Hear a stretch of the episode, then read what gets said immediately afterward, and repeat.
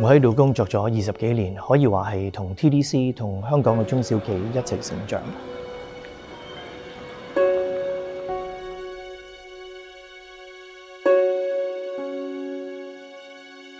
咁但系喺呢一次咧，我哋而家步入咗呢一个困局或者呢一个挑战咧，其实我觉得系最艰难嘅。我哋不停咁同啲同事开会啦，真系有啲系马拉松式嘅开会，系去谂下有啲咩方法可以帮到中小企，同佢哋去拍住上。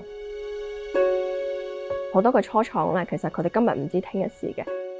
就算系话人与人之间而家有一个比较大嘅距离啦，但系咧好多初创仍然能够用一啲新嘅方法去解决问题，甚至系做到佢哋想要嘅成绩嘅，只要佢哋能够去再行多步嘅话。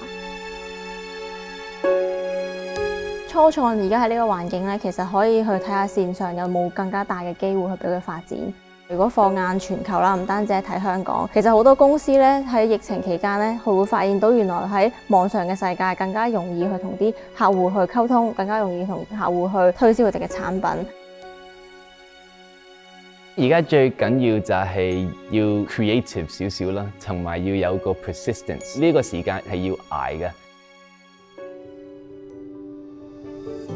其實唔係淨係話點樣去幫初創或者中小企，成日同好多初創喺佢哋嘅溝通啊，同佢哋合作過程當中咧，都另外有好大嘅啟發同埋鼓舞。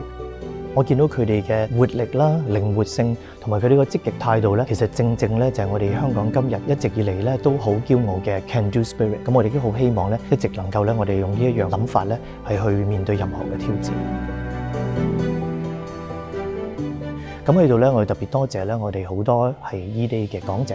佢哋真系透过呢次活动咧，同我哋做咗好多唔同嘅分享，亦都要咧特别多谢我哋嘅同事，不眠不休咁将我哋呢一件事咧系做到最好，切合咗我哋今年 e d 嘅主题就系重塑現在應變未來。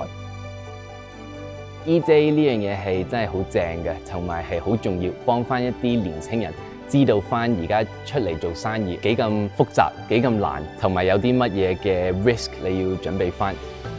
今年 E Day 咧係搞喺網上邊咧，其實搞得好好。搬咗去上網嘅時候，其實我哋可以見到更加多唔同世界各地嘅人啦，可以即時咁見到我哋嘅訪談內容。喺線上嘅世界咧，可能會有更加多另一番嘅景象咧，係我哋都冇遇過嘅。希望呢一個好困難嘅時間，大家可以多啲互相幫忙。